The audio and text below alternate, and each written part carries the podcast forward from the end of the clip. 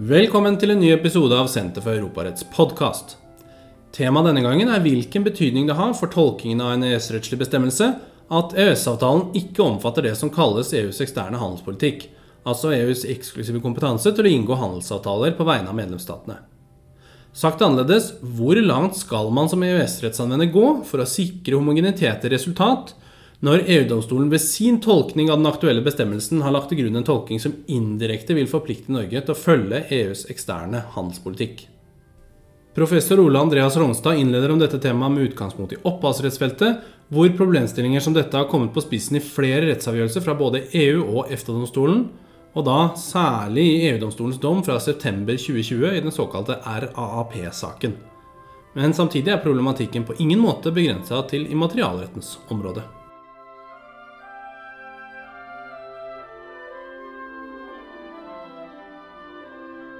Jo for så vidt eh, med den eh, disclaimeren som jeg hadde tenkt å komme sjøl, nemlig at eh, det jeg skal snakke om i dag er temmelig komplekst. Så om det er behov for nærmere forklaringer og avklaringer, så må dere i hvert fall ikke nøle med å be om det. Som Stian var inne på, skal jeg likevel prøve å holde dette her på et overordna nivå. Selv om dette er problem stillinga som i første rekke uh, har uh, kommet opp i, en materialrettslig uh, sammenheng, så har det jo naturligvis også generell interesse og generell overføringsverdi. Det er, jo, det er mange spenningsforhold i EØS-avtalen mellom avtalens særtrekk og Eh, homogenitetsmålet. Eh, og vi kan grovt sett si at spenningsforhold som da har eh, oppstått i stor utstrekning, har vært løst til fordel for homogenitetshensynet. Altså at bestemmelsene i EØS-avtalen skal tolkes på samme måte som de tilsvarende EU-reglene. Og ikke minst har EFTA-domstolen vært en driver i, i, i så henseende. Eh, Bl.a. med tanke på å tette det såkalte widening gap, eh, som har oppstått som følge av at EU-retten utvikler seg dynamisk, mens tilsvarende mekanismer for videreutvikling mangler i EØS-avtalen. Og Homogenitetshensynet har jo da vært benytta som instrument i Eh, så henseende. Altså disse dommene om fri bevegelighet av personer og, og forholdet til det manglende unionsborgerskapet i EØS-retten er jo selvsagt et nærliggende eksempel. Med disse Jabbi og, og Campbell-dommene. Og også EU-domstolen, må det sies, har vist, eh, ikke så overraskende, en utstrakt tendens til å tolke EØS-avtalen dynamisk. Vi må jo huske på at i, i, i en EU-kontekst så er jo eh, EØS-avtalen eh, en eh, ekstern avtale. En såkalt blanda avtale, mixed agreement, som er inngått både av EU og av medlemsstatene sjøl. Spørsmålet er likevel hvor langt man kan trekke homogenitetshensynet eh, til å på en måte eh, glatte over, eh, hvis man kan si det på den måten, EØS-avtalens særtrekk. Og Det er jo en rekke ulikheter mellom EU-samarbeidet og EØS-avtalen som tror jeg er viktig at man fortsatt holder fast ved, eksisterer. Jeg tror også det er viktig å ha en differensiert holdning til det her. altså. Eh, mange ulikheter kan bøttes på ved hjelp av homogenitetshensynet, men EØS-avtalen har særtrekk som gjør at homogenitetshensynet ikke kan løse alle spørsmål. Og Det blir også et spørsmål om homogenitet i alle henseende må innebære at bestemmelsene skal tolkes helt likt. Eh, og I dag skal jeg da snakke om et særtrekk eh, som også har fått EFTA-domstolen til å gjøre visse reservasjoner mot homogenitetshensynets eh, rekkevidde. Som, som Stian indikerte, eh, det er også da avgjørelser som ligger tilbake i tid, så dette her er ikke noe nytt. Um, og det, det, her da handler om, er jo da EØS-avtalens manglende regulering av avtalepartnernes eksterne traktatkompetanse. Eh, spørsmålet, altså litt av altså bakgrunnen eh, for at jeg tar opp det her nå, Eh, det er at For det har særlig interesse i norsk rett. I desember 2019 eh, så fremma Kulturdepartementet etter sterk oppfordring fra Stortinget et forslag som i all korthet og, litt unyansert skal medføre at at amerikanske artister og musikkprodusenter ikke skal vederlag for offentlig spilling av musikkopptak. Altså uh, Typisk på barer og puber, restauranter og sånne ting. Også, også i, i, i, i radio, TV osv. Bakgrunnen, kort fortalt, for det forslaget er at USA ikke har slutta seg til den ene internasjonale konvensjonen Eh, på området, eh, det som kalles Roma-konvensjonen, som da Norge har slutta seg til. Eh, og Derfor så har USA heller ikke forpliktelser etter den konvensjonen.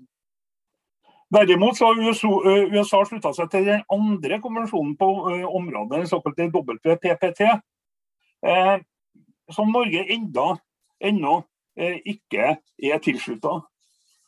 I, i den eh, konvensjonen eh, så har man imidlertid tatt et forbehold eh, mot eh, konvensjonens regler om vederlagsrett. Og også helt kort fortalt eh, så har jo da USA meddelt at man da ikke skal meddelt en reservasjon mot å innføre en sånn vederlagsrett, bortsett fra for såkalt webcasting.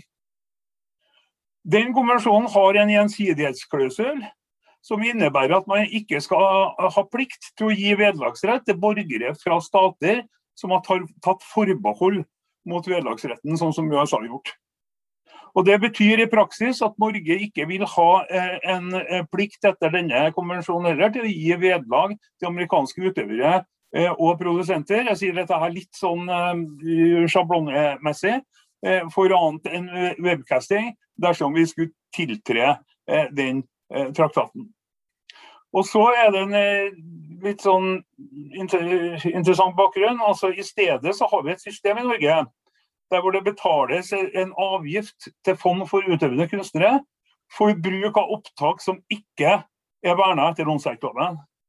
Og kort fortalt eh, igjen, så innebærer jo det, det, forslaget da, at i stedet for å betale til amerikanere, når amerikanere på en måte ikke betaler til oss, eh, så betales da i stedet penger til et kulturfond som tilgodeser norsk eh, kulturliv. Det er liksom eh, systemet. Opp, oppi alt det her så kom da EU-domstolen eh, og, og, i storkammer eh, sin dom i i RAP-saken, eh, RAAP, eh, sak C26519. Og Ved tolkning av det såkalte utleie- og utlånsdirektivet, som gir utøvere, eh, dvs. Si artister og produsenter, vederlagsrett. Som dere ser her, så bestemmer det ikke noe om hvem. altså den Bestemmelsen sier ikke noe om hvem, den bare sier 'the relevant performers'. Og, og spørsmålet i, i, i, den dommen var på en måte hvordan skal det her forstås. Um, den, jeg har redegjort for den dommen på lunsj tidligere, jeg skal ikke gjøre det her. Uh, her uh, så holder det å konstatere at EU-domstolen kom til at i mangel av uttrykkelig avgrensning må direktivet tolkes sånn at vederlagsretten da tilfaller alle utøvere og produsenter uavhengig av nasjonalitet som deltar på opptaket. Likevel er det viktig da å fremheve at EU-domstolen eh, i eh, tolkningen trekker sterkt på den såkalte WPPT, eh, som EU selv har inngått, og som derfor er en integrert del av EU-retten. Likevel så lar ikke EU-domstolen begrensningene i traktaten få avgjørende betydning for tolkningen av utleiedirektivet, uten at jeg trenger å gå inn på grunnene til det her. Det som likevel er greit å få fram, det er det at EU-domstolen fremhever i den dommen at unionen har eksklusiv kompetanse til å inngå gjensidighetsavtale med tredjestater på det området her. Og Så presiserer man at det er EU og ikke dets medlemsstater som har kompetanse til å innskrenke rekkevidden av artikkel 8.2 i utleiedirektivet. Og Implikasjonen er at det er EU-lovgiveren som bestemmer om vederlagsrettet til direktivet skal begrenses, f.eks. slik at amerikanske utøvere og produsenter ikke får krav på vederlag. Og I den situasjonen eh, så kan man da stille spørsmålet skal utleie- og utlånsdirektivets artikkel 8.2 tolkes på samme måte i en EØS-kontekst. I så fall så betyr jo det da at departementet må skrote lovforslaget, og nok også endre dagens eh, åndsverklov. Og Den vanlige tilnærmingen eh, i lys av eh, homogenitetsmålsettingen eh, eh tilsier jo da at direktivet skal tolkes på samme måte eh, i EØS. Eh, jeg mener likevel at det er problematisk av den grunn at EØS-avtalen ikke regulerer avtalepartnernes eksterne traktatkompetanse. Eh, og Det gjør at man eh, også bør løfte på spørsmålet om forholdet mellom eh, dette faktum og homogenitetshensynet. Da kan, vi, kan være grunn til å trekke fram EØS-avtalens fortale, punkt 16. Hvor det da fremgår at avtalen da ikke skal begrense avtalepartenes selvstendige beslutningsmyndighet eller dens kompetanse til å inngå traktater, med forbehold for bestemmelsen i denne avtalen og de begrensninger som følger av folkeretten. står Det jo der. Det er jo et klart uttrykk for at EFTA-statenes traktatkompetanse i forhold til tredjeland ikke skal begrenses av EØS-avtalen. Men det, som det framgår, så er det selvsagt ikke til hinder for at avtalen selv legger slike begrensninger. Eh, et eksempel på i hvert fall en føring Eh, det er EØS-avtalens eh, protokoll 12 om gjensidig anerkjennelse av varer, der EU-regelverket krever eh, bruk av et merke, f.eks. sånn CE-merke. Her så står det det at EU, e det står fellesskapet, men det betyr jo i dag EU, vil forhandle med tredjeland ut fra den forutsetning at tredjelandet vil inngå parallelle avtaler med EFTA-statene om gjensidig anerkjennelse tilsvarende de avtaler som inngås med, med fellesskapet. Eh, det er, det er, jo da eh, en slags avtalt forhandlingskompetanse, som likevel forutsetter at EFTA-statene skal inngå selvstendige avtaler om dette med tredjestatene. Og Et spørsmål er jo da kan man ut fra Eh, dette tolke EU-direktiver i en EØS-kontekst slik at de hindrer EFTA-statene i å inngå gjensidighetsavtaler med tredjestater med hensyn til hvilke rettigheter borgerne i de statene skal ha overfor hverandre. Det vil etter min mening bli resultatet dersom rapdommen tolkes som en forpliktelse til å gi tredjelandsborgere krav på vederlag. Eh, sånn som den rapdommen er innretta, så kan ikke EU-medlemsstater selv inngå eh, gjensidighetsavtale fordi EU har eksklusiv eh, traktatkompetanse. Og Hvis utleiedirektivet skal tolkes homogent i EØS, i betydningen at det skal tolkes på akkurat samme måte, så betyr det i praksis at Norge vil være prisgitt de avtalene EU, EU inngår med tredjestater, og for øvrig det EU-lovgiveren bestemmer med hensyn til hvem som skal ha rettigheter. Det litt sånn absurde oppi det her er jo at Norge i dag har jo ikke tiltrådt WPPT. Eh, som gir rett til å reservere seg mot at amerikanske utøvere får eh, vederlagsrett. Og I den situasjonen kan vi si at Hvis man legger rappdommen til grunn, så betyr det at det, det spiller ingen rolle hva man gjør enten man tiltrer eller ikke, så har man plikt til å gi amerikanere vederlag inntil EU bestemmer noe annet. Og Det innebærer i hvert fall en faktisk begrensning på traktatkompetansen, fordi at man ikke da kan inngå gjensidighetsavtaler uten å komme i konflikt med eh, EU-retten. Og da er spørsmålet, Kan man akseptere en sånn begrensning med grunnlag i tolkning av en bestemmelse som ikke sier noe eh, om hvilke lands stater som skal ha rettigheter? Og Her hører det med til historien at eh, heller ikke EU-statene eh, må man jo kunne eh, si hadde forestilt seg at utleiedirektivet skulle tolkes eh, på den måten som EU eh, e har gjort. Men så må man jo akseptere at EU-domstolen ikke alltid legger, vektlegger hva medlemsstatene ment. Spørsmålet er likevel kan man legge begrensninger på EFTA-statenes traktatkompetanse utelukkende med grunnlag i homogenitetsmålet i en sånn situasjon. Og Hvis man ser på EFTA-domstolens praksis, så har den tidligere gitt uttrykk for at man ikke kan det. Og Da er vi tilbake til Maglite-saken, som ble eh, som da verserte for eh, eh, snart et eh, kort århundre tilbake.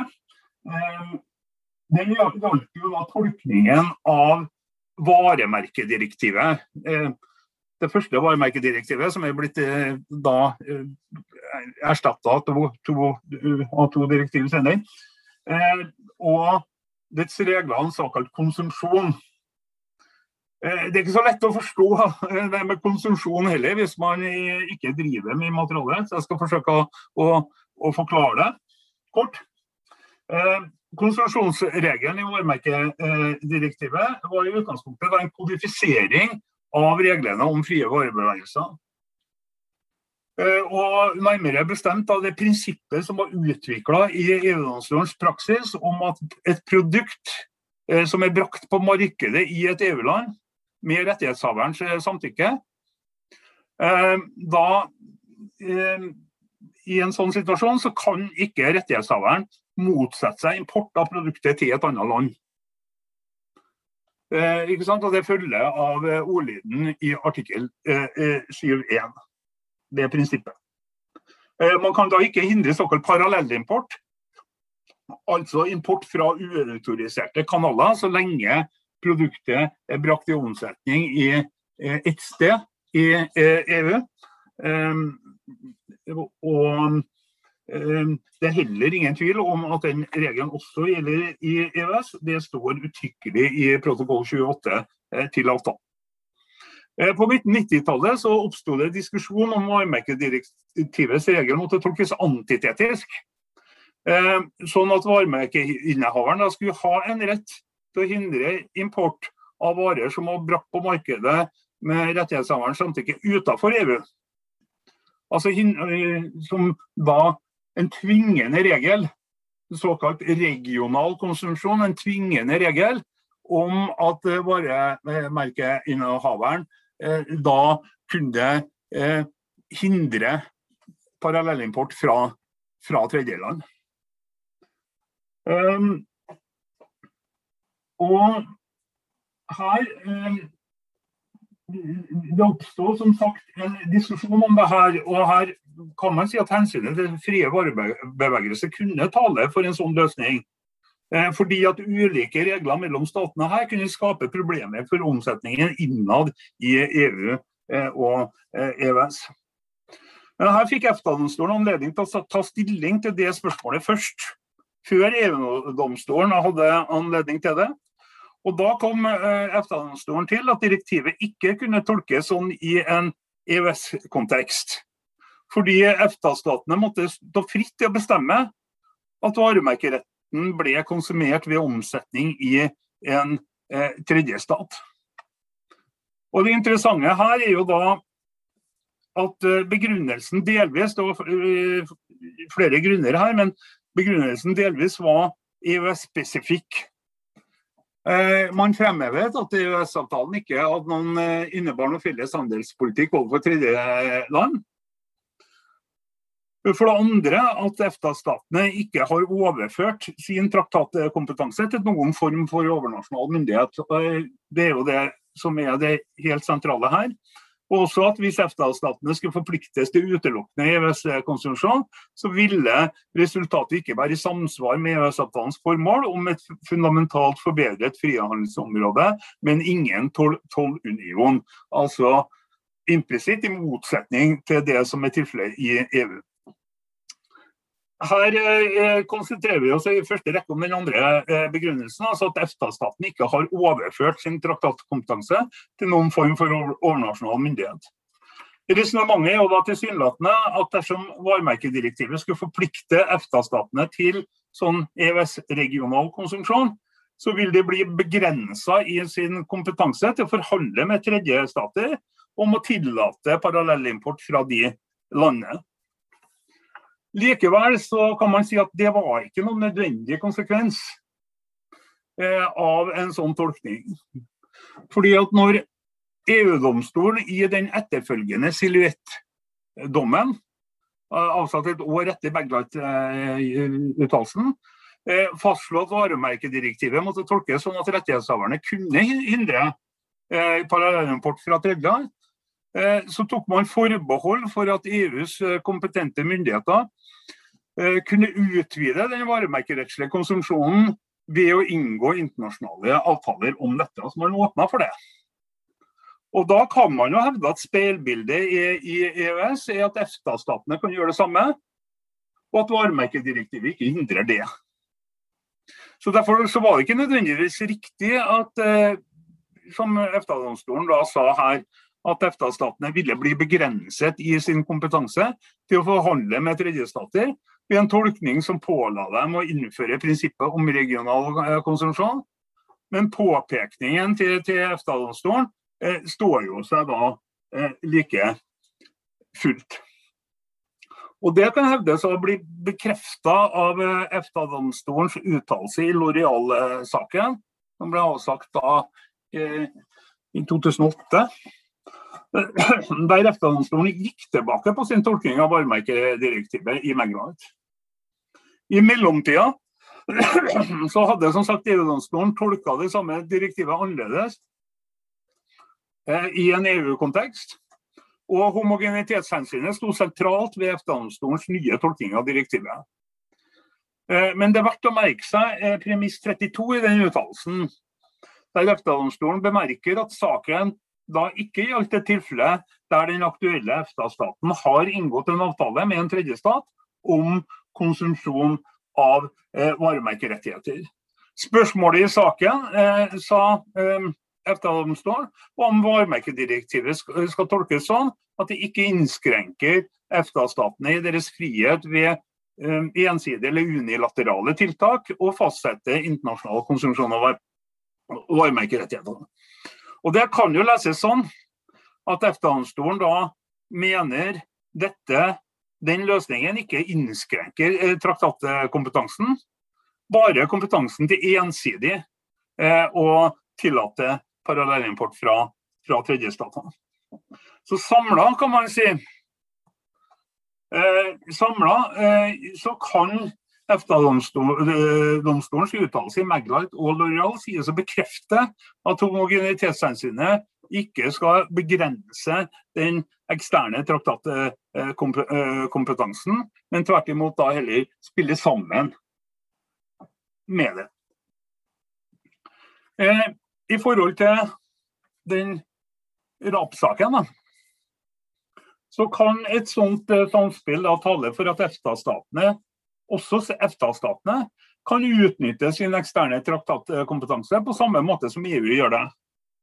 Altså at man kan inngå traktater med et tredjeland og gjennomføre gjensidighet i sin interne lovgivning, selv om EU selv krever at gjensidigheten blir avspeilet i sin lovgivning, nemlig i direktivene. En annen løsning vil jo da innebære at EFTA-statene blir prisgitt EUs eksterne traktatkompetanse og gjennomføring av sine forpliktelser. Og Det betyr at direktiver i slike situasjoner eh, da, hvis eh, eh, Så legger det jeg da har sagt til grunn, eh, ikke kan tolkes helt homogent. fordi at konteksten blir ulik.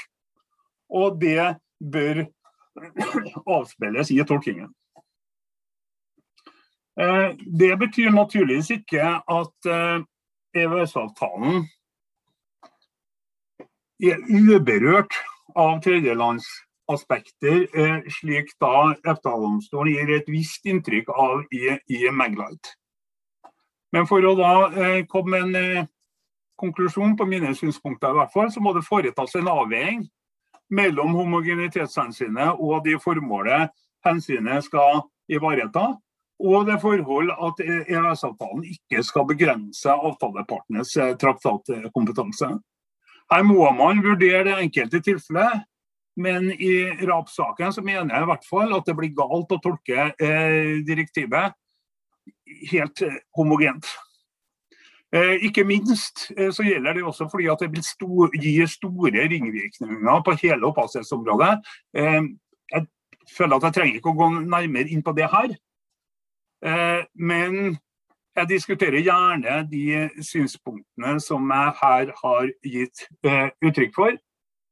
Og med det avslutter jeg den delen av sesjonen.